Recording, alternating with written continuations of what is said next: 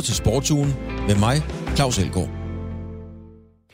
Det er torsdag, klokken er 11.05, der er sportsugen, så nogle ting ude i verden ligner der trods alt stadigvæk sig selv.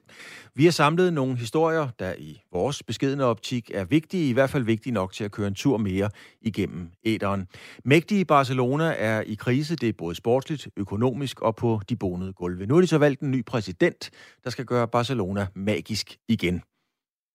Man er aldrig bedre end den sidste kamp, det sagde salig Richard Møller Nielsen altid, og sådan er det også for de danske verdensmestre i håndbold. Nu begynder det hele forfra, også for en af de faldende profiler fra holdet. Der er snart OL i Tokyo, måske altså. Svømmerne forbereder sig og lader som ingenting. Vi får en status på, hvem og hvor mange danske svømmere, der reelt har en mulighed for at komme i bassinet ved OL, hvis det i øvrigt bliver afviklet. Og de bedste danske fodboldkvinder kommer på tv, og den historie er faktisk den, vi starter med. Den bedste fodboldrække for kvinder i Danmark hedder Gensidige Ligaen, og nu bliver kampene derfra vist på dansk tv. Det er Nent Group, der blandt andet ejer alle TV3's kanaler, der har fået rettigheder til at vise kampene fra Gensidige Ligaen. Og nogen vil helt sikkert spørge sig selv, hvorfor i alverden bruger de penge på det, når interessen, med alt respekt, er minimal, og kampene ligger klods op og ned af de store kampe fra de internationale ligaer. Jeg har faktisk også spurgt mig selv om, hvorfor man kaster sig ud i sådan et projekt, men det er jo lidt ligegyldigt. Det er meget mere interessant at spørge Kim Mikkelsen, der er Head of Sports i NEN Group. Velkommen til, Kim Mikkelsen. Hvad skal Nenter TV3 reelt bruge dansk kvindefodbold til? Ja, tak fordi jeg må være med. Øh, jamen, vi har øh, sikret os rettighederne til den danske liga og også øh, de andre store europæiske ligaer, fordi vi tror utrolig meget på øh, kvindefodbold øh, som et kommersielt produkt. Vi øh, føler, der er en enorm grøde. Vi ved, der er en enorm grøde øh, i kvindefodbolden. Interessen omkring den stiger og stiger og stiger. Vi ser, at FIFA i den cyklus, der hedder 19-22, har investeret over en milliard dollars øh, i kvindefodboldens udvikling. Og det har de gjort, fordi FIFA har analyseret, at det er der, der er det største kommercielle vækstpotentiale. Og øh, selvom der øh, på nogle øh, fronter er et stykke igen, så er det øh, fuldstændig uomgængeligt, at det der det kommer til at vokse i årene, der kommer alle virksomheder, eller de fleste virksomheder, arbejder jo på at styrke deres øh, CSR CSR-profil. Man skal være bæredygtig, omstillingsberette, øh, hvad hedder det, politisk korrekte osv. Kvindefodbold hos Nent, er det ikke bare et alibi for at være politisk korrekt i den her tid? Øh, det, så har vi også været, så har vi også været øh, blevet beskyldt for, for, for ikke at tænke kommercielt. Øh, vi plejer som regel at, at, at mest at komme i vælten, når vi tænker for kommercielt, eller det er jo nogen, der synes, vi gør. Så, så, så nej, det er, fordi vi tror på, at, øh, og vi kan se det, at der er masser af interesser, og der er masser af kommersielle interesser omkring det. Der er rigtig mange, der gerne vil være med. At det så også taler ind i en tid, hvor der sker en masse på ligestillingsområdet og equality-området, øh, det, det er jo en anden diskussion, og de to ting er selvfølgelig øh, nok har også en vis forbindelse. Øh, men, men, men at der er en kommersiel udvikling, som er interessant for os øh, at, at, at tabe ind i, det er fuldstændig øh, uomtvisteligt. Kim Mikkelsen, hvem, hvem er det, I satser på, der reelt skal se de her kampe fra gensidige ligaen? Altså nu har jeg selv faktisk set nogle kampe på Kolding Q, fordi jeg bor i området, og, og jeg har også selv kommenteret kvindefodbold på TV2 faktisk i, i, i nogle år. Altså i gennemsnit har Kolding Q, som ligger nummer 4 i gensidig ligaen, de har 150 tilskuere i gennemsnit. Altså hvem er det, I satser på, der sætter sig øh, og, og ser de her kampe? Jamen altså, hvis vi kigger på, øh, på, på, på DBU og kigger på deres medlemsudvikling øh, øh over de senere år, jamen så er det jo tilgangen af pigefodboldspillere, som gør, at DBU ikke kigger ind i en, en stor nedgang øh, i medlemstallet generelt. Det er en, der er en masse fædre, øh, som har en masse kvalitetstid med deres piger omkring kvindefodbold og pigefodbold. Øh, så det er en voksende skare af familier og, og unge kvinder, øh, som i første omgang er dem, vi selvfølgelig skal ud og have fat i. Øh, og så er det jo noget, der skal vokse over tid, og det kommer det til. Det er vi, ikke, øh, det er vi sådan set ikke så bange for. Vi har jo selvfølgelig også øh, haft en masse snakke med DBU og med klubberne, øh, før vi lavede den her aftale. Og vi kan se, hvordan der bliver arbejdet seriøst med produkterne ude, ude i, i klubberne. Og, øh, og selvom man ikke er der helt endnu, så kan vi bare se, at det her det blæser, at der blæser vinden den rigtige vej.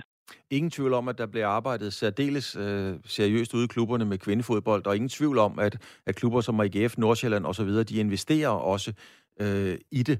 Rettighederne til kvindefodbold, for, øh, er det noget, man betaler for, eller er det nogle rettigheder, man får for i øvrigt at vise kampene? Ja, det er sådan noget, vi aldrig nogensinde vil, vil, vil sige noget om, øh, uanset om vi betaler mange penge eller, eller få penge for rettigheder. Men, men det, der er, det er, at der ligger selvfølgelig en stor investering fra, fra vores side i forhold til at, at gå ud og, og, og promovere produktet og, og, og producere nogle flotte produktioner. Og i øvrigt øh, dæk, dække produktet ind i vores, øh, og gøre det til en del af vores generelle dækning af fodbold. Sådan at når vi øh, har onsite om søndagen, jamen, så, kommer, så kommer der også til at være øh, kvindefodbolddækning som en fast del af det. Øh, som en fast del af, altså kvinde, gensidig kvindeligaen, som en fast fodbold, øh, dækning af vores onsite magasin øh, om søndagen. Så det bliver en bred tilgang, vi kommer til at, at, at få til det, både dækken rundt om, og så selvfølgelig de enkelte kampe. Man kan sige, at kvindekampene ligger jo typisk, det kan være, at jeg har lavet en aftale om, at tidspunkterne skal flyttes, men typisk så ligger de jo lørdag klokken, øh, klokken 14. 14 øh, og 16, og der sender I jo også kampe for Bundesligaen, og der er konkurrerende kanaler, der har Premier League og, og så videre. Er, er Kolding Q mod Tisted, uden at være sarkastisk, konkurrencedygtig i den sammenhæng? Øh, nej, det er det, det er det ikke. Men øh, jeg plejer altid at sige, at jeg, vi, vi får tit at vide, at der er, alt for, der er alt for meget fodbold. Så, så plejer jeg at sige, at der er for mange bøger på biblioteket. Og det synes jeg jo ikke, der er. Øh, jeg synes, det er, det er super godt, at der er et bredt øh, udvalg af kampe, som man kan vælge, og noget til enhver smag. Og øh, så tror vi som sagt meget, meget på, at det her kommer til at vokse over tid. Men, men, men, men det ville jo være latterligt af mig at sidde og påstå, at, at, at Liverpool mod United, øh, øh eller at Colin Q mod Tisted kan måle sig mod Liverpool United. Så det kan det ikke. Men, men, men det kan noget andet, og, øh, og det kommer til at vokse over tid. Og så i forhold til det med spilletidspunkter, jamen, så kommer kampene i højere grad til at blive spredt ud over øh, weekenderne, øh, end hvad man har set tidligere. Men, men det er selvfølgelig i, i tæt samarbejde med klubberne. Vi kommer ikke til at køre hen over dem, så det bliver noget, vi kommer til at, at, at, at, at lave i tæt samarbejde med klubberne om, hvornår kampene skal spilles. Nu ved jeg jo selvfølgelig ikke, hvad jeres øh, hvad skal man sige, succeskriterier er seermæssigt, men hvis man går ind og kigger på nogle af, af Superliga-kampene, altså øh, eksempelvis AC Horsens mod OB trak 16.000 tilskuere, Øh, og så var der en ret spændende håndboldkamp på Dognos Champions League mod, mod Odense, eller mod ja, Odense håndbold. Der var 12.000 seere til anden halvleg, altså 18.000 til første halvleg. Kolding Q mod Tisted er 5.000 seere mange. 2.000 seere?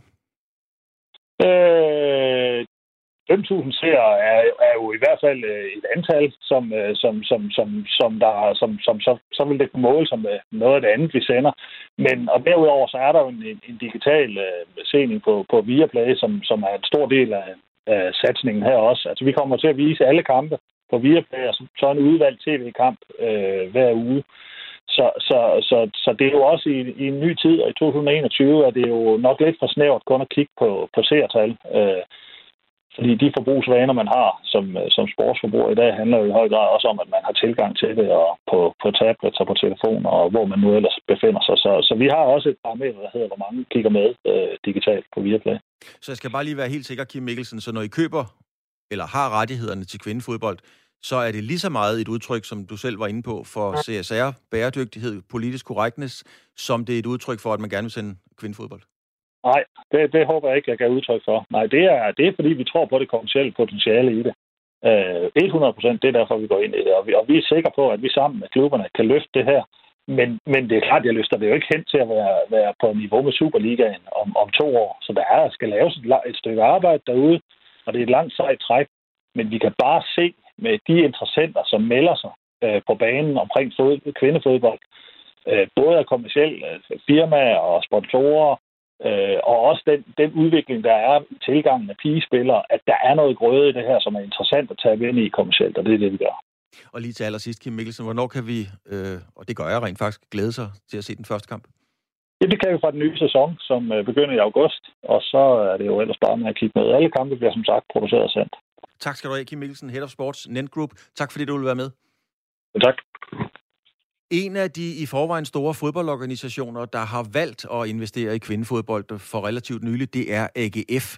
I dag er det præcis et år siden, at AGF fik et øh, kvindeligahold, og i den forbindelse har min kollega Niklas Stein spurgt direktøren for AGF Kvindefodbold, det er Maria Greve, om ambitionen og hvad der er sket i det første år. Jamen, hvad der er sket? Vi synes jo, der er sket meget, øh, men der er jo sket meget generelt i, øh, i, øh, i hele verden øh, med en pandemi, og det har vi selvfølgelig også kunne forholde os til i forhold til at opstarte et helt nyt projekt. Øh, men hele ambitionen omkring AGF kvindefodbold, det er jo egentlig, at vi ønsker at skabe nogle bedre rammer for, øh, for at kvindelige fodboldspillere i Aarhus også kan blive dygtigst muligt og kan præstere og performe. Øhm, og det tror vi på særligt, at vi kan i Aarhus at lave en unik Aarhus-model, øh, hvor vi kan skabe balance for udøverne omkring øh, uddannelse, arbejde øh, og deres eliteidræt, øh, som vi så tager, tager ansvar for i AGF, og, og skaber en model, som, øh, som kan noget andet, end, øh, end vi har været vant til i dansk kvindefodbold. I er jo ikke noget tophold fra starten. Ligger jo i bunden af, af hvad hedder det, af, af gensidige kvindeligaen. Øh, fik I så godt nok en, tør jeg godt kalde det, sensationel sejr over Brøndby her i, her i weekenden. Men I ansætter øh, den tidligere landsholdskæmpe Katrine S. Petersen som, øh, som cheftræner fra sommer af. Øh, jeg går også ud fra, at det er, det er med tankerne om større ambitioner. Hvad er det egentlig for nogle ambitioner, I har? Jo, vi vil gerne være med i toppen af dansk kvinde elitefodbold, men vi øh, ansætter også Katrine, fordi at vi synes, hun både fagligt og øh, fagligt har nogle kompetencer, men også noget indsigt fra øh, øh kvinde elitefodbolden på international plan, som skal være med til at vækste over tid. Så vi vil gro organisk, øh, og det betyder også, at vi ikke går ind og er tophold fra dag et, men det har vi hele tiden vidst. Der er et øh, kæmpe potentiale af østjyske talenter, som vi tror på skal være ind og, og bidrage til AGF over tid. Øh, og det er egentlig den rejse, vi først lige er begyndt, og at vi øh, også sætter ild under sammen med Katrine, fordi vi tror, hun har noget know-how både på og uden for banen, som kan være med til at flytte os i den rigtige retning, øh, og med den rigtige hastighed på skridtene. Øh, men vi oplever jo, at, øh, at den organiske vækst fungerer øh, for os, øh, og det er vigtigt, at vi holder fast i den. Øh, der er, vi har lige rykket tre øh, ungdomsspillere op til senior. Øh, den ene scorede et mål mod Brøndby øh, i weekenden. Øh, og det er det, vi kan se i vores pipeline, at der er masser af potentiale, og det er egentlig det, vi skal omsætte og understøtte. Øhm, og, og det tror vi på, at vi kan. Vi oplever en, en stigende opbakning fra erhvervslivet. Øh, vi, vi oplever en interesse fra kommunen i også at sige, hvad er det for nogle faciliteter og rammer, som kan gøre, at, at vi kan, øh, kan stå stærkt i Aarhus på kvindefodbolden. Og hvilket potentiale er der så i kvindefodbolden generelt i, øh, i hvad hedder det, i Danmark lige nu? For jeg går, ikke, altså jeg går også ud fra, at AGF de har valgt at kaste øh, ekstra ressourcer ind i kvindefodbolden, fordi man ser et vækstpotentiale generelt.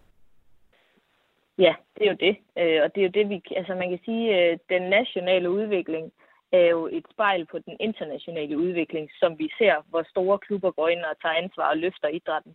FIFA og e- EFA investerer i, kvinde, øh, i kvindefodbolden. Øhm, og så kan vi jo se nationalt i Danmark, at der var rigtig, rigtig mange piger, der spiller fodbold. Og det i sig selv skal jo gerne give den her bottom-up-effekt, at der også er et potentiale for, at vi kan få nogle rigtig dygtige øh, og mange udøvere over tid. Og sammenholdt med, at der så sker en øget øh, kommercialisering og professionalisering internationalt, så de to ender mødes jo et sted på midten til det, der øh, bliver den fremtidige kvinde i elitefodbold øh, på, i en dansk kontekst. Og så lige til sidst vil jeg også gerne høre dig til, øh, lige høre dig give en kommentar på den her, øh, den nye øh, tv-aftale, som der er indgået øh, med, med, med Nent. Hvad, hvad er den et udtryk for, at, øh, at sådan en stor udbyder går ind og kaster en treårig aftale efter kvindeligaen? Jo, ligesom så mange af, af vores kolleger, så er vi jo også enormt stolte over, at de har lyst til at være med til at bidrage på den her udviklingsrejse. Fordi det giver os jo en eksponeringsmulighed, som vi ikke tidligere har haft. Øh, fordi det er jo der, vi står med kvinde elitefodbold nu, det er, at vi skal have flere til at se det og opleve det. Fordi så, øh, så oplever vi også, at man bliver begejstret. Øh, så det er jo et udtryk for, at Nent også ser et potentiale øh, øh, og, og har lyst til at understøtte den udviklingsrejse, fordi at, øh, at det, er jo, det er jo noget med, at vi skal vækste år for år. Det er også den plan, der er rullet ud fra DBU's side. Øh, at, at vi har nogle år for os, og det er så det, de gerne vil være med til. Det, det synes vi jo bare er, er rigtig, rigtig positivt. Øh, og kommer til at, at skubbe på den udvikling også øh, hurtigere, end vi havde, havde tur håbe på. Det er der ingen tvivl om.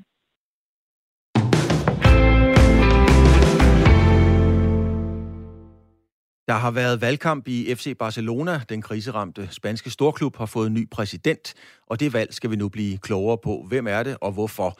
Jeg vil ikke sige så meget mere om det, men i stedet for at skyde bolden over til min kollega Niklas Stein, der har klippet det her indslag sammen.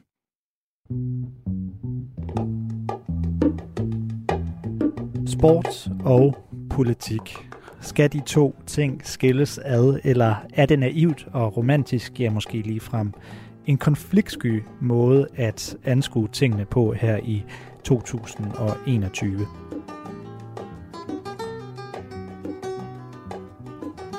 I Barcelona, der kan de to ting altså ikke skilles ad, uanset hvor meget man så end ville det. Fodboldklubben FC Barcelonas stærke position i det katalanske samfund og separatistdebatten har en lang historie, og så er det det, der sker cirka hver fire år, valgkamp. Vi kender det herhjemmefra, eller når vi med lige dele for arvelse og fascination følger med på tv-forbindelsen fra USA. Men politisk valgkamp i fodbold, det er et sjældent syn. Dog ikke i Barcelona, og det så vi i den forgangne uge, hvor FC Barcelona fik en ny præsident. Eller ny gammel præsident. Den advokatuddannede, karismatiske 58-årige Juan Laporta er tilbage i det præsidentembede, hvor han også sad fra 2003 til 2010. Dengang Lionel Messi var en ung knøs, og Laporta betagede Barcelona-fansene ved at præsentere dem for Ronaldinho. Nu er han tilbage, og Barcelona har igen en ny præsident efter fire måneder uden en mand ved roret. Forgængeren Josep Maria Bartomeu han måtte nemlig gå i vandær efter en række skandalesager, en dårlig økonomi, og så efter at have bragt FC Barcelona i en position, hvor Lionel Messis fremtid i klubben er meget usikker. Så hvad er det, den kriseramte megaklub fra Spanien nu går i møde med Laporta tilbage i den stol, han har siddet i med så stor succes tidligere?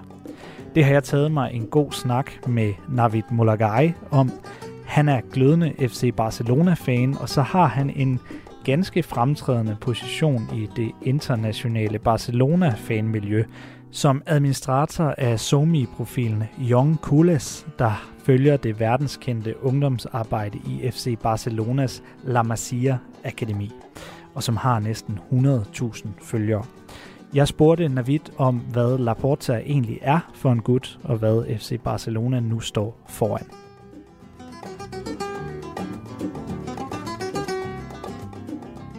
Jamen, han er jo... Jamen, for det første var han jo kæmpe favorit. Øhm, og det var han lige siden han, øh, han valgte at stille op tilbage i, tilbage i efteråret. Der var lidt snak om, om han egentlig havde tænkt sig det eller ej. Øh, der var nogle rygter i løbet af året, øh, mens at, øh, hvad hedder det, den, hans, ham der endte med at blive hans primære rival, Victor Font, han havde allerede kørt valgkampagne i godt et års tid mindst, øh, uofficielt i et par år inden, øh, inden Laporte valgte at stille op, men så snart Laporte valgte at stille op, så var det tydeligt fra start, at, øh, at han var den store favorit, øh, fordi, fordi der er ikke en eneste Barcelona-fan, der, og der er ikke en eneste Barcelona-vælger, der ikke kender den her mand, øh, øh, og ikke ved, hvad han øh, gjorde. Øh, under hans øh, tidligere mandater som præsident, og ikke ved, hvad holdet formåede øh, under hans tid som præsident, og også efterfølgende som resultat af, af det arbejde, som, som han og hans bestyrelse øh, lagde for dagen i sin tid. Øh, så han var en, han var en stor favorit, øh, og han, han, han spillede, øh, han spillede øh, hvad hedder det, valgkampen rigtig klogt og politisk klogt. Han har virkelig fået meget mere politisk erfaring, og han, han brugte den virkelig som favorit til øh, at være meget mere øh, modererende og øh, meget mere afventende. Øh, det, er ligesom, det var ligesom de andre, der skulle vise, at, at, øh, at de øh, ikke var ligesom Laporta, øh, men, men til syvende og sidst, så, til syvende og sidst, så, øh, så var der ikke så meget tvivl om, om, om resultatet fra starten af, så snart de første stemmer kom ind. Øh, han, han førte stort set med dobbelt så mange stemmer ned til Victor Font hele vejen igennem, og, og endte også stort set med at have have dobbelt så mange øh, til sidst, sådan cirka 30.000 mod en 16.000, øh, og den tredje kandidat, Tony Fletcher, fik, øh, ja, fik knappen op 5.000 stemmer. Men er det så efter din vurdering den samme Laporta, eller øh, altså, har han overhovedet haft mulighed for at vise, om det er en ny Laporta, eller er det bare Laporta, der er blevet valgt, fordi det er Laporta? Ja, både over, fordi at jamen, det er både den samme Laporta, fordi at det er tydeligvis den samme øh, den samme karakter, den samme personlighed. Øh, han er stadig helt vildt karismatisk. Altså, øh, i de, i de øh, debatter, der var mellem de tre, øh, der var det altså, tydeligt, at han var den eneste med en, med, med en, med en offentlig persona. Øhm, øh, hvad hedder det, og Victor Font, som var den, og, og Victor Font, som var den mindst erfaren af de tre i forhold til Barcelona-politik. Han, øh, han, man kunne også se, at han, at han kom i nogle problemer engang imellem. Altså, han er ikke vant til at have den her politikerrolle. Øhm, selvom, at han, selvom han havde en rigtig, rigtig god kampagne og, øh, og virkelig formåede at, at gøre mange ting bag scenerne. Blandt andet var han, øh, var han en, øh, en nøgleperson i, øh, i skaffningen af, af, af hvad hedder det, mistillidsvotumsblanketter mod, øh, hvad hedder det, mod øh, præsident Bartomeu, som så førte til, at han var, at han var nødt til at, at træde af, eller han, som førte til, at han, at han selv trådte af.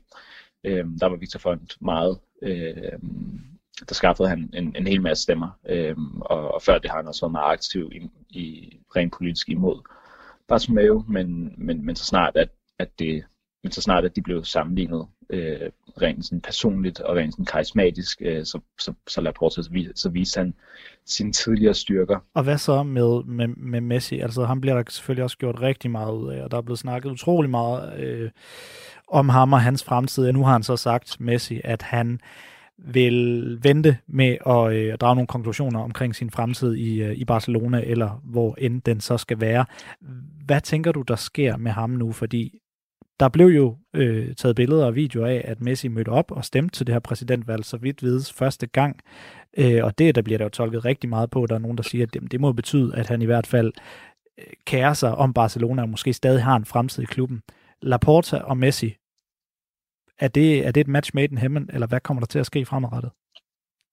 Øh, det virker i hvert fald som om, at, at Laporta allerede har, lavet, har haft en instant impact. Øh, øh, der var allerede der var, der var nogle nyheder fra i går efter kampen mod, øh, mod PSG, øh, der beskrev, at eller der forklarede, at, øh, jamen, at Messi før valget og under altså siden sommer øh, slet ikke har haft øh, slet ikke har været i kontakt med med, med Bartomeu eller bestyrelsen eller den midlertidige bestyrelse der der var i de cirka her fire måneder øh, mellem øh, Bartomeus fratræden og valget, men at nu der er de klar til at, eller nu der er de villige til at, øh, at sætte sig ned med, med Laporte og, og høre, hvad, øh, høre, hvad han har at, at tilbyde, øh, og, at, øh, og at der faktisk nu er en mulighed for at, øh, for at tale om, om, om han kan blive, øh, hvor han tidligere slet ikke har haft lyst til at, at tale om det. Øh, så, så, så, og, og, og i og med, at Laporte har det her forhold, øh, det her gode forhold med, med Messi, som, som, som alle ved, øh, kan altså også ende med at være, være meget betydeligt. Men, men til syvende og sidst, så tror jeg, at øh, der tror jeg, at det spiller, eller det, det, man kan være sikker på, at det spiller en, en, en, en afgørende rolle for Messi, om holdet er i stand til at konkurrere eller ej. Fordi mand er først og fremmest fodboldspiller, og han, og han vil, vil spille på et hold, der, øh, der kan konkurrere om titlerne, og som, og som ikke ydmyger sig selv hver eneste sæson. Øhm, og jeg synes, at, at her i 2021, der har, øh, ja, der har, der har Barcelona virkelig formået at løfte deres spil og løfte øh, holdets moral. Øhm, og jeg tror, at Laporte ligesom kan komme ind og booste den her, øh, yderligere booste den her moral, øh, og yderligere skabe nogle omstændigheder, øh, der gør det mere værd, eller der gør det ja, der gør det værd for Messi at blive, øhm, og, og forhåbentlig også styrke truppen, øhm, så de kan ja, i hvert fald konkurrere i, i ligaen og, og pokalturneringen. Undskyld, øhm, det gør de allerede. Øhm, men, men især også i, i Champions League, og jeg tror, at øh, jeg tror også, at Messi er, er, er ganske øh, ikke er øh, lige så øh, sur og, og frustreret over øh, det her års exit i sammenligning med, øh, med, med de andre år. Øh, det var en meget værdig måde, de røg ud på med, mod PSG. Øh, I hvert fald, hvis jeg, hvis jeg selv skal sige det. Øh, og det synes Laporte også. Øh, det sagde han også i, i pressen, eller ikke i pressen, men, men, men i lufthavnen på vej hjem øh, i går. Så jeg tror, jeg tror bestemt, at der er en, der er en større chance for, at Messi han bliver nu efter, at både efter, at, at Barcelona er begyndt at spille meget bedre, men også efter, at øh, efter at Laporta er blevet præsident.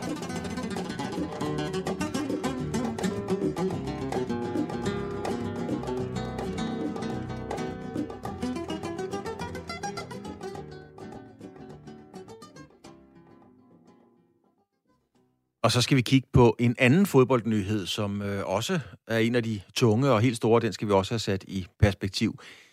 Det var nemlig denne her uge, at den tyske fodboldtræner og verdensmester Joachim Löw meddelte, at han stopper som landstræner for Tyskland efter EM til sommer. Og nu er spekulationerne så i fuld gang på, hvem der skal være den næste tyske landstræner. Og min kollega Tjelle Vejrup har talt med Nikolaj Lisberg, der er ekspert i tysk fodbold, øh, og den samtale kan jeg høre et uddrag af her. Man kan snakke om, timingen måske kommer bag på, på mig og på den tyske befolkning. Der var ikke mange, der regnede med, at det skulle være her og nu, men det er lidt den uh, retning, de har, de har peget i, i, i lang tid efterhånden. Uh, du siger selv, at han har været der i, i 17 år, 15 af dem som, som cheftræner for det tyske landshold, og det er, uh, trods stor succes, jamen, så er han uh, lidt, har været lidt uh, upopulær her de sidste bare to-tre år. Så at han trækker sig, uh, er ikke nogen overraskelse, men timing er måske lidt uh, mere overraskende. Okay, og hvad er det, der er overraskende ved timingen?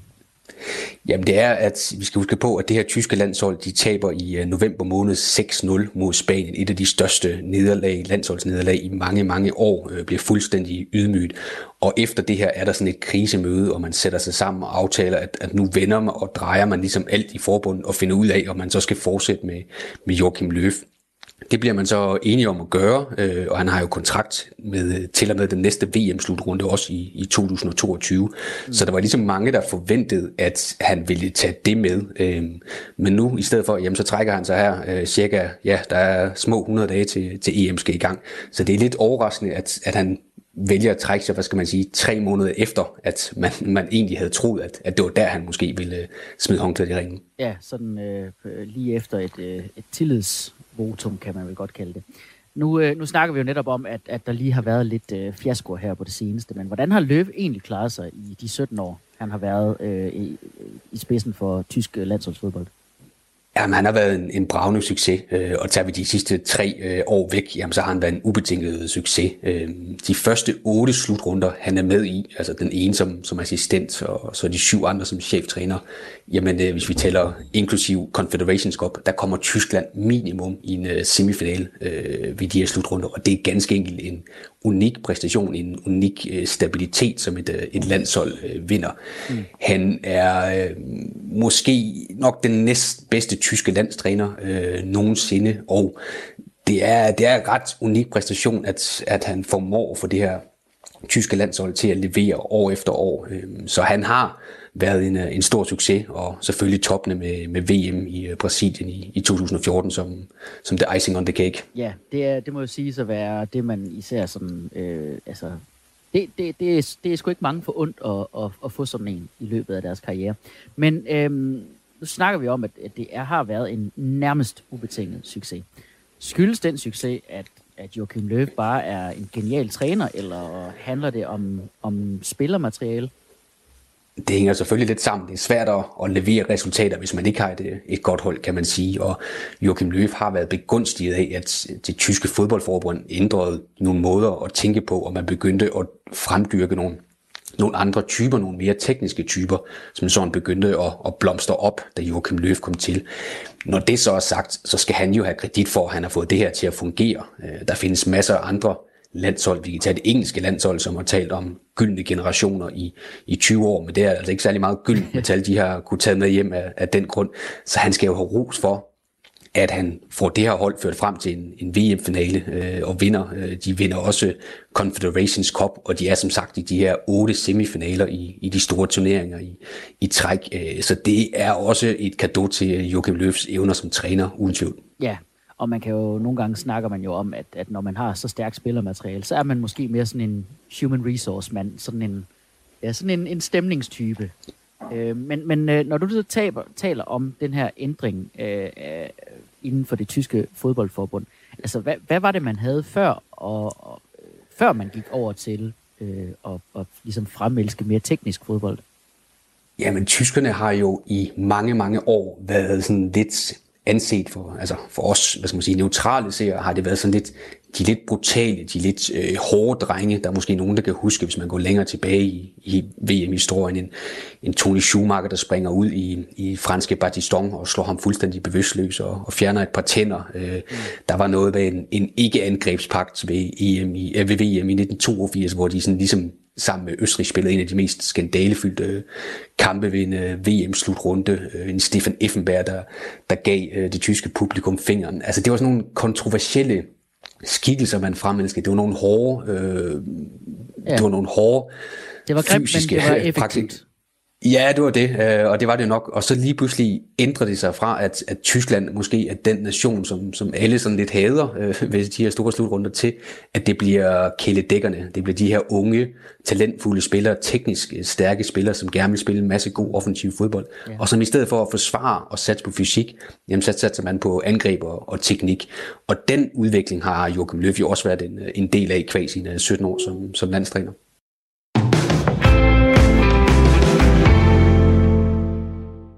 Her på årsdagen for Mette Frederiksens pressemøde, hvor statsministeren erklærede den første store coronanedlukning af Danmark, er landet altså så småt ved at åbne igen.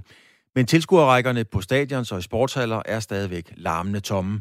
Hos Divisionsforeningen er de ellers klar med et forsøg, der kan bane vejen for fyldte tribuner. De er selv klar til at trykke på knappen og sætte det hele i gang, men de får ikke lov. Hvad det helt præcist går ud på, skal vi nu hele vejen rundt omkring, og i det her indslag, der er klippet sammen med min kollega Niklas Dein.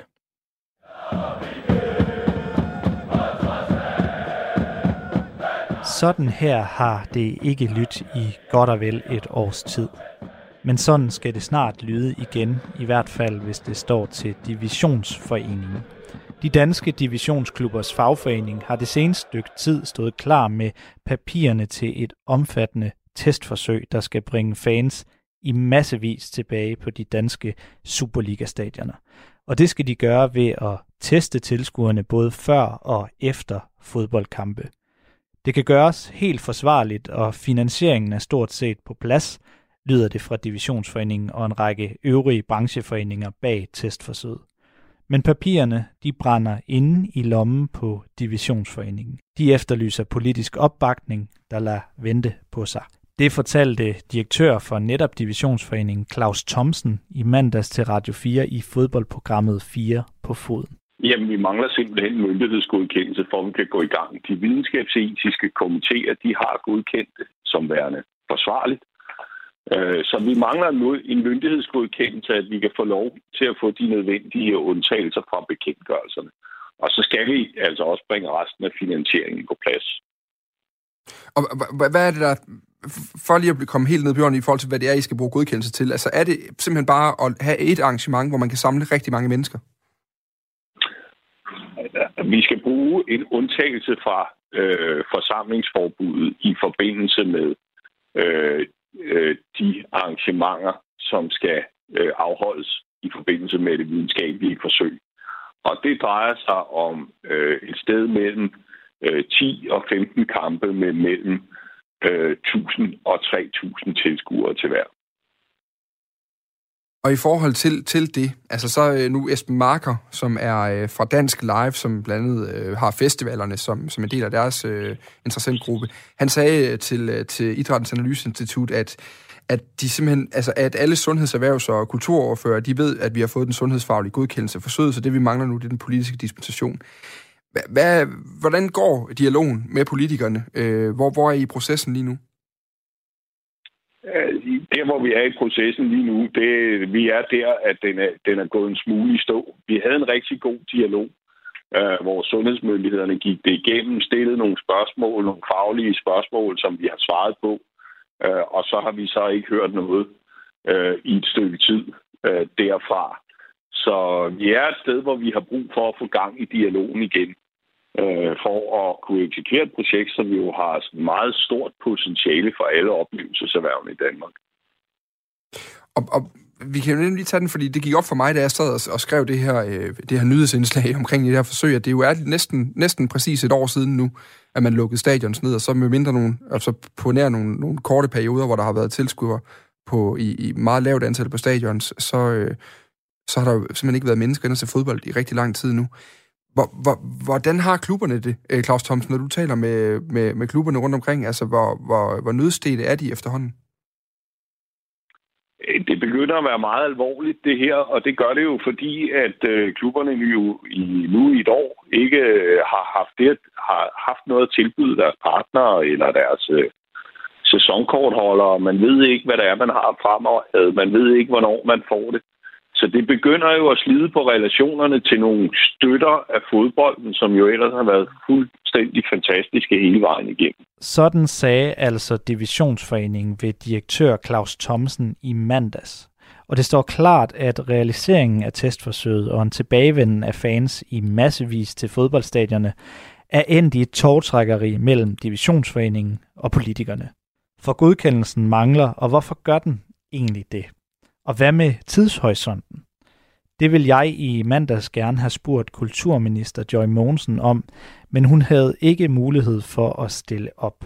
Det havde kulturordfører for Socialdemokratiet Kasper Sandkær derimod, og han sagde sådan her, da jeg spurgte ham, hvorfor divisionsforeningen ikke møder politisk opbakning. Jamen det synes jeg nu også, øh, de gør. Altså vi har jo sagt øh, mange gange, at vi synes, det er et rigtig øh, spændende og gennemarbejdet øh, projekt, som, som divisionsforeningen har lavet sammen med øh, de andre aktører, som, som vi er, er, er positivt stemt over for og, og glæder os til at drøfte med, med de andre politiske partier. Men hvor langt er der så fra, at det her det kan øh, få dispensation? For de skal jo have dispensation fra de, øh, de øvrige restriktioner, der er, øh, coronarestriktioner, der er, som det ser lige nu. Så, så hvor langt er de fra at få den dispensation?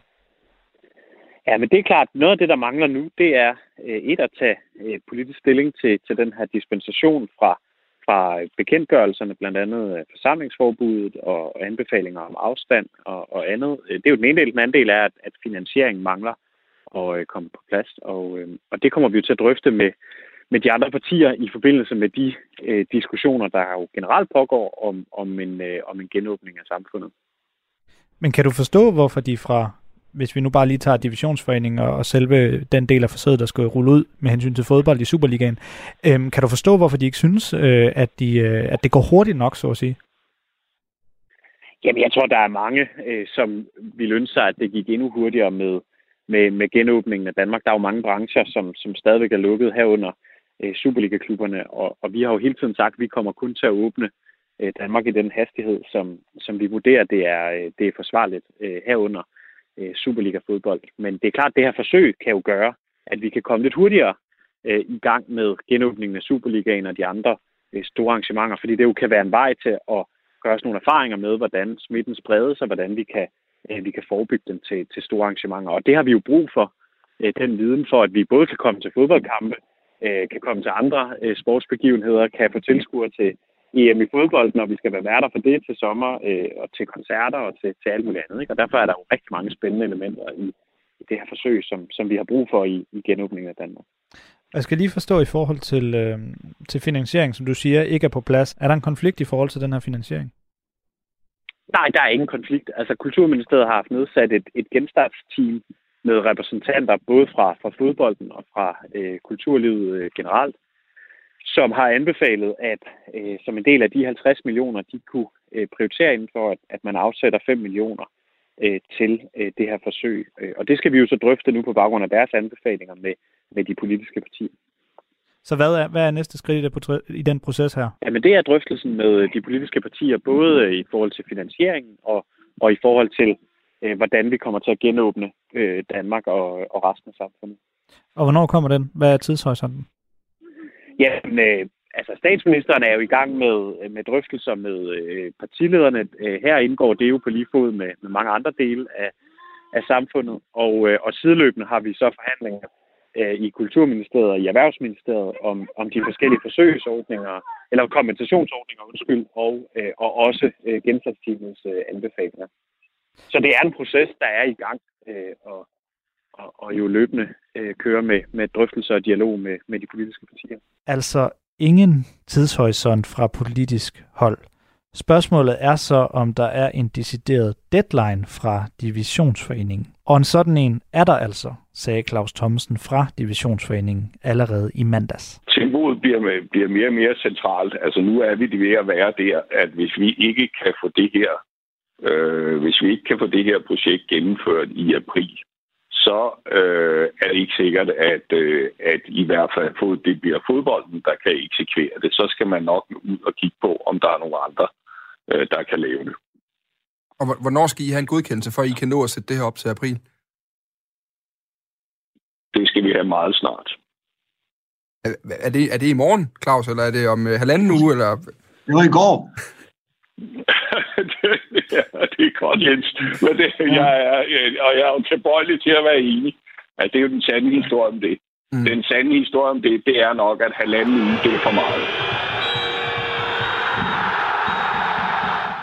Ja, Divisionsforeningen er altså klar til at rulle forsøget ud med omkring 30.000 tilskuere til fodbold. Forsøget skal jo altså ikke ses som et isoleret forsøg omkring fodbold, men et forsøg for hele oplevelsesbranchen, som man kan bruge øh, sammen. Claus Thomsen, der er direktør i Divisionsforeningen, mangler svar fra regeringen på, om forsøget kan sættes i gang, men Socialdemokratiets ordfører Kasper Sandkær vil ikke give nogen konkret tidshorisont om, hvornår det kan starte. Jeg sender bolden videre. Maj Mercado, du er idrætsordfører for de konservative. Ser du gerne, at man får sat det her forsøg i gang hurtigst muligt? Ja, altså nu er det jo vigtigt at sige, at det er jo ikke 30.000 lukket ind til den samme event, men, øh, men nok nærmere de her 1.000 til 3.000, som I også øh, siger øh, i indslaget. Øh, jeg synes, at man skal øh, få myndighederne helt klart i tale på, hvornår vil det her kunne lade sig gøre. Og jeg spurgte faktisk øh, kulturministeren øh, om det her præcis øh, i går, og, øh, og kan ikke få noget svar, og det synes jeg næsten er det værste. Altså, vi har en divisionsforening, som har knoklet for at få øh, fodboldfans tilbage på stadion, og det, at man ikke engang kan få noget svar, det synes jeg altså øh, tenderer det er lidt arrogante, øh, fordi det gør jo, at de jo arbejder videre med planerne, fordi de jo har et håb på, at det lader sig gøre. Og der synes jeg jo, at øh, man jo skal presse på for at øh, sikre, at sundhedsmyndighederne får regnet på, jamen, hvad er det, der skal til, for at man kan åbne op. Lige så vel som sundhedsmyndighederne jo regnede på, at det åbenbart godt kunne lade sig gøre at komme i de zoologiske haver, og dejligt for det. Øhm, men når man kunne beregne på det, så var man jo også kunne beregne på, hvad er det, der skal til, for man kan åbne op øh, for øh, Superliga-kampe. Men Maja Mercado, hele den her covid-19-situation er jo mildt sagt meget uforudsigeligt. Mens vi taler her, der jo rent faktisk tækker der telegrammer ind om en vaccine, der bliver suspenderet. Man kan sige, det er ikke noget direkte med det her at gøre, men det er dog et udtryk for, at der hele tiden øh, kan ske noget, det hele tiden ændrer sig. Er det så ikke for risikabelt at udfordre skæbnen med så mange tilskuere til noget så, skal vi sige, ligegyldigt, med alt respekt, som fodbold? Så spørger du den forkerte for fodbold, der er jo ikke ligegyldigt. Øhm, og, og det er jo også vigtigt at sige, at vi har en ret stor viden om corona, og den ændrer sig øh, sådan set ikke. Øh, og når der er, at man kan lave en vurdering af, at man godt øh, kan gå i zoologisk have, er, fordi at man der kan have vagter, som kan opløse øh, folkemængder, men hvor man altså vel og mærket går rundt til de samme madboder og de samme toiletfaciliteter, så er det bare, jeg ikke forstår logikken i, at man ikke med den meget hårde sektionering, som klubberne jo rent faktisk kan lave, hvor man tager på meget, altså på de her områder tager øh, fodboldtilhængerne ind, øh, har god afstand imellem. Der er sektionering i forhold til toiletfaciliteter, i forhold til øh, madboder osv., øh, og hvor vi samtidig har en historik med lave smittetal. Der har aldrig øh, været registreret et udbrud af corona i forbindelse med publikum til en Superliga-kamp, og det synes jeg også er værd at tage med. Så derfor så savner jeg lidt det gode argument for, hvorfor man ikke kan afprøve det her. Især når det er, at alle kan få lov til at med en negativ test at tage i øh, zoologisk have. Så vi kommer til at blive ved med øh, at stille spørgsmålene og også presse på for at få en afklaring. Men og det er jo ikke sådan at forstå, at vi ikke respekterer, at sundhedsmyndighederne jo selvfølgelig skal give et go. Selvfølgelig skal de det. Jeg savner bare argumentet for, hvorfor det ikke kan lade sig gøre, når der er så meget, der godt kan lade sig gøre i for eksempel zoologisk have. Så forklar mig lige helt ned, så jeg kan forstå det ganske kort, Maja Mercado. Hvordan tolker du så Kasper Sandkærs øh, tøvende svar, altså idrætsordføreren for Socialdemokratiet? Er det, er, er det i virkeligheden et klart nej, eller hvordan skal jeg høre det? Ja, det er det jo, fordi når divisionsforeningen står og siger meget tydeligt, at vi har brug for en afklaring, og Socialdemokratiet og regeringen siger, den, den kan vi ikke give jer så er det jo at henholde dem, og så er det jo et nej, øh, fordi øh, så bliver det jo ikke iværksat. Og jeg kan sådan set godt forstå divisionsforeningen, at hvis man skal have det her op at køre, jamen så har vi jo dybest set kun øh, april med til at ligesom få det startet op. Øhm, så, så det er altså med at komme øh, i gang nu, og jeg synes jo, at Superliga-klubberne har leveret en forbilledelig indsats i det her. Altså, de har jo lige præcis vist, at man godt kan lave nogle rigtig, rigtig skrappe forholdsregler, hvor det er, at øh, man står i kø med afstand for at komme ind, at man skal blive siddende på sin plads, ikke bevæge sig rundt. Der er vagter til at sikre, at man bliver siddende. Og jeg ved ikke, hvad det er for en forestilling, der er nogen, der har om fodbold, at det er sådan et sted, hvor folk de bare øh, vælter rundt, råber og skriger og løber rundt mellem hinanden. Sådan er det jo ikke i dag det var jo fodbold, dengang der var 38.000, der kunne komme ind og, øh, og se en kamp i, øh, i parken.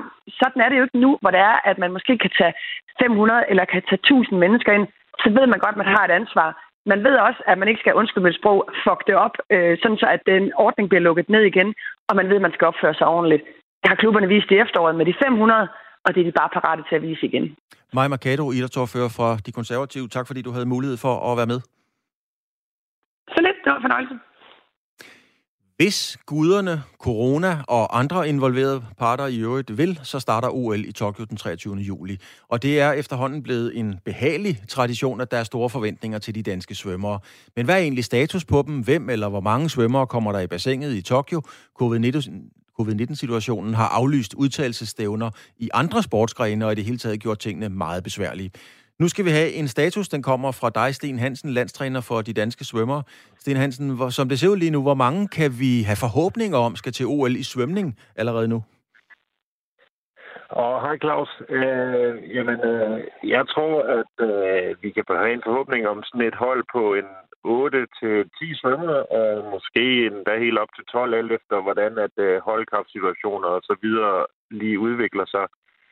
Nu står vi her ovenpå øh, på en weekend, hvor vi har haft de første to, der har svømmet under de her opstillede kriterier, som der har været. Så, øh, så, så vi er godt i gang, og øh, vores kvalifikationsmodus, det kører nu her øh, øh, frem faktisk til slutningen af, af maj i forbindelse med EM i svømning.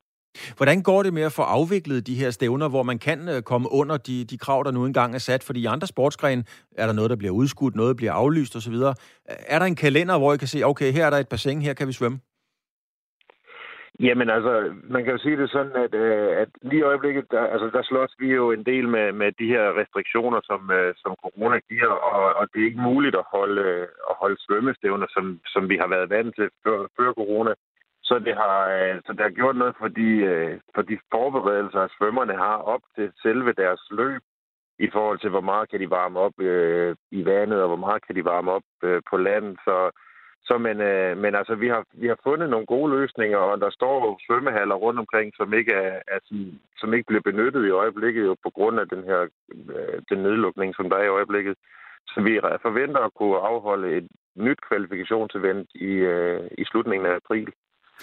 Øh, der er jo kommet meldinger om fra, øh, ifølge det japanske nyhedsbyrå, øh, de oplyser at fra anonyme kilder, at man har besluttet at, at øh, afvikle uden tilskuere. Øh, hvad, hvad hører I om gennemførsel i det hele taget? Altså, hvad, hvad, hvad, hvad hører Svømmeforbundet om? om bliver der et OL? Jamen altså, vi, vi arbejder ud fra den plan, at der bliver et, øh, at der bliver et OL, og det er det, vi har fået at vide fra, fra DIF, som ligesom er vores øh, organisation, som arbejder, som vi arbejder sammen med DIF og Team Danmark omkring OL. Og, og der, hvad hedder det, der arbejder vi fuldt ud på, at der kommer et OL til sommer, og det er også det, vi forbereder os øh, til nu. Så, øh, så svømmerne er i gang, træner hårdt, benhårdt ud i, i de forskellige øh, klubmiljøer og træningsmiljøer, vi har rundt omkring i landet, øh, med det formål for øje, at, øh, at vi skal ud og præstere for, for Danmark til, til sommer i Japan. Og lige til sidst, øh, der er jo gode, dejlige forventninger, det er også hårdt at have forventninger til danske medaljer. Realistisk eller ej. Øh, hvad kan vi sætte næsen op efter i Tokyo, når vi snakker medaljer? Jamen altså, vi, vi, opererer, altså, vi opererer egentlig i første omgang med, at vi skal have nogle, øh, nogle svømmer i, i det hedder stimulerne, og, og til VM sidste gang, der havde vi, øh, der havde vi to svømmer i, øh, i VM-finalen. Og, øh, og hvad hedder det, Pernille Blume blev nummer fire, og er jo vores øh, nuværende olympiske mester også. Så, så selvfølgelig har vi forventninger til, at, øh, at vi kan levere nogle toppræstationer med, med de svømmere, som der har været øh, med helt frem og stadigvæk er med helt frem. Men, jeg, men sådan som jeg ser det lige nu, så er vi inde i sådan en, øh, en overgangsperiode. Vi har haft nogle rigtig, rigtig dygtige svømmere, som, øh, som er gået pension, og nu, øh, nu bygger vi op, og, og Pernille er selvfølgelig et af vores, øh, en af vores spydspidser. Øh, så så jeg, altså, jeg har ikke sådan et medaljetal, øh, men jeg håber meget på, at vi, vi får repræsenteret os i, i nogle individuelle finaler i, i Japan og så øh, i Tokyo til sommer. Og så må vi, øh, så må vi ud og kæmpe med de andre nationer, øh, når det går løs. Sten Hansen, landstræner for de danske svømmere. Du sidder i et møde. Tak fordi du tog dig tid til at være med her. Så det var sådan så lidt, og tak fordi jeg måtte være med. Tak for det. Hej. Den danske VM-guldmedalje i herrehåndbold er så ny, at den ikke har haft behov for at blive pusset endnu, men spillerne er allerede nu i gang med kvalifikationskampe til nye slutrunder og nye mål. I aften spiller Danmark EM-kvalifikation mod Nordmakedonien på udebane, og det giver comeback til Hans Lindberg på fløjen. Kong Hans, som han kaldes, blev sorteret fra til VM-slutrunden, og det var han ikke tilfreds med, men nu er han med igen. Er det fordi Lindberg kan styrke holdet? Er det en gestus efter 270 landskampe? Eller er det måske en regulær farvelkamp? Det kan jeg spørge dig om, Kim Mikkelsen. Kim Mikkelsen dækker håndbold for Jyske Vestkysten. Kim Mikkelsen, Hans Lindberg er tilbage. Hvad skal vi lægge i den udtalelse? Ja, vi skal lægge øh, det i det, at øh, landstræner Nikolaj Jakobsen får øh, en mand ind i truppen, der, der kender gamet og ved, hvad det handler om. Han får en meget, meget stærk spiller ind, som stadigvæk gør det rigtig godt i Bundesligaen. Men jeg tror ikke, vi skal lægge så meget fremtidsperspektiv i det. Øh, på øh, Hans Lindbergs vegne kan man godt frygte, at øh, det her kan gå hen og blive øh, nogle af de sidste kampe i rødt og hvidt. Men er det ikke en smule ydmygende at udtage en spiller med 270 landskampe og den betydning, som Lindberg nu har haft. Jeg tænker lidt på, da, da Christian Eriksen sad på bænken i, øh, i, i, i Inter, øh, så bliver han smidt ind i det 88. 20. minut, når de førte 4-1. Det er jo en ydmygelse. Øh, hvordan ser du det her i forhold til Hans Lindberg og den person, han jo er og har betydet for holdet? Nej, jeg synes bestemt ikke, det er en ydmygelse. Øh, øh, det, det, det er jo værd at huske på, at øh, Hans Lindberg, øh, han har jo trods alt øh, muligheden for selv at, at sige, at han stopper på landsholdet. Det kunne han jo også have gjort, hvis skuffelsen var så stor øh, øh, på grund af den manglende VM-udtalelse, så kunne han jo selv have, have stoppet. Øh, vi taler om en spiller, der øh, altså fylder 40 år øh, til sommer, så øh, han har fået masser af landskampe. Der er også det, at Hans Lindberg er jo en del af den her gyldne generation. Øh, han var med til at vinde EM-guldet i, i 2000 og, i 2008. Øh, og han er jo fra den her generation, øh, hvor, hvor spillere som Thomas Mogensen og Michael Knudsen, meget stærke spillere, selv meldte fra øh, til landsholdet, inden andre to øh, beslutningen for dem.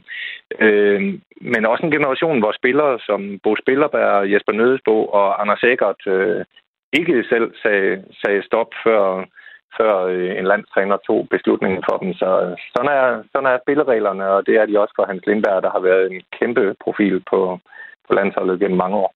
Men hvis Lindberg ikke har en lang fremtid for sig på landsholdet, og det har man jo i sagens natur ikke, når man øh, snart fylder øh, 40 år, så kan man sige, med alt respekt for Nordmakedonien, de tager med 19 mål til Ægypten ved, ved VM. Man kunne vel reelt have udtaget en hvilken som helst fløj fra den bedste danske liga og vundet den her kamp alligevel. Ja, men nu er det jo EM-kvalifikationskampe, og selvom jeg på ingen måde ser grund til, at Danmark, øh, danske fans skal, skal sidde yderst på, på stolene, øh, så, så tager man alligevel øh, og stiller det, det bedst mulige hold. Jeg, jeg tror, øh, med hensyn til fremtiden, så, så er det jo ikke sådan, at, at Nikolaj Jakobsen behøver at eksperimentere med, med u- eller forholdsvis øh, uprøvede navne fra, fra ligaen, fordi han har Lasse Svanen, som er et sikkert kort til OL, og så, så har han øh, Johan Hansen, som, øh, som også er en mulighed at tage med, hvis han vælger at tage to højrefløje med til OL. Det, det tror jeg faktisk ikke, han gør, for, for det er jo sådan med OL, at, at der må kun udtages 14 spillere og en reserve. Så, så det, det er hårdt at være fløj, når der bliver udtaget en, en OL-trup. Lige her til sidst, øh, Kim Mikkelsen. Øh er det her også et udtryk for, for Nikolaj Jakobsens, når jeg siger kyniske tankegang, så er det jo mit med, med respekt, fordi han har virkelig noget at, at have det i. Altså Nikolaj Jakobsen tager ikke den slags hensyn, hvis han, skal, han stiller bare det stærkeste mulige hold. Ja, han til det stærkest mulige hold. Nogle gange skal man selvfølgelig tænke på fremtiden også, men fremtiden for, for det danske landshold øh, øh, er så, så godt som på plads, så så øh, man kan se det på det på to måder. Altså man kan se på det, som, som du var inde på, om det her er en gestus over for Hans Lindberg. Øh, jeg tror ikke, det er en decideret gestus. Jeg, jeg tror, han er udtaget, fordi at, øh, at øh, i manglen af Lasse Svend den her gang, så er Hans Lindberg øh, den stærkeste øh, erstatning at, at indkalde her nu. Tak skal du have, Kim Mikkelsen, altså Jyske Vestkystens øh, håndboldmedarbejder, eller ham, der dækker øh, landsholdet. Tak for din, øh, dit indblik i, i, hvad der venter Hans Lindberg forud. Velkommen. Og det var sportsugen i denne her omgang. Vi har været vidt omkring Barcelona, vi har været omkring Klopp, kvindefodbold på Nent, altså i TV3-regi, og så har vi også lige været inde omkring øh, det forsøg, som Divisionsforeningen øh, gerne vil have sat i søen, om omkring at få ca. 30.000 tilskuere fordelt på forskellige kampe til, øh, til fodbold. Det er svært at få accept fra regeringen. Vi hørte fra oppositionen, Maja Mercado, at øh, det var sløseri, og nu skulle de bare se at komme i gang. Nu er der noget andet, der skal i gang, og det er nyhederne, for klokken er 12. På genhør.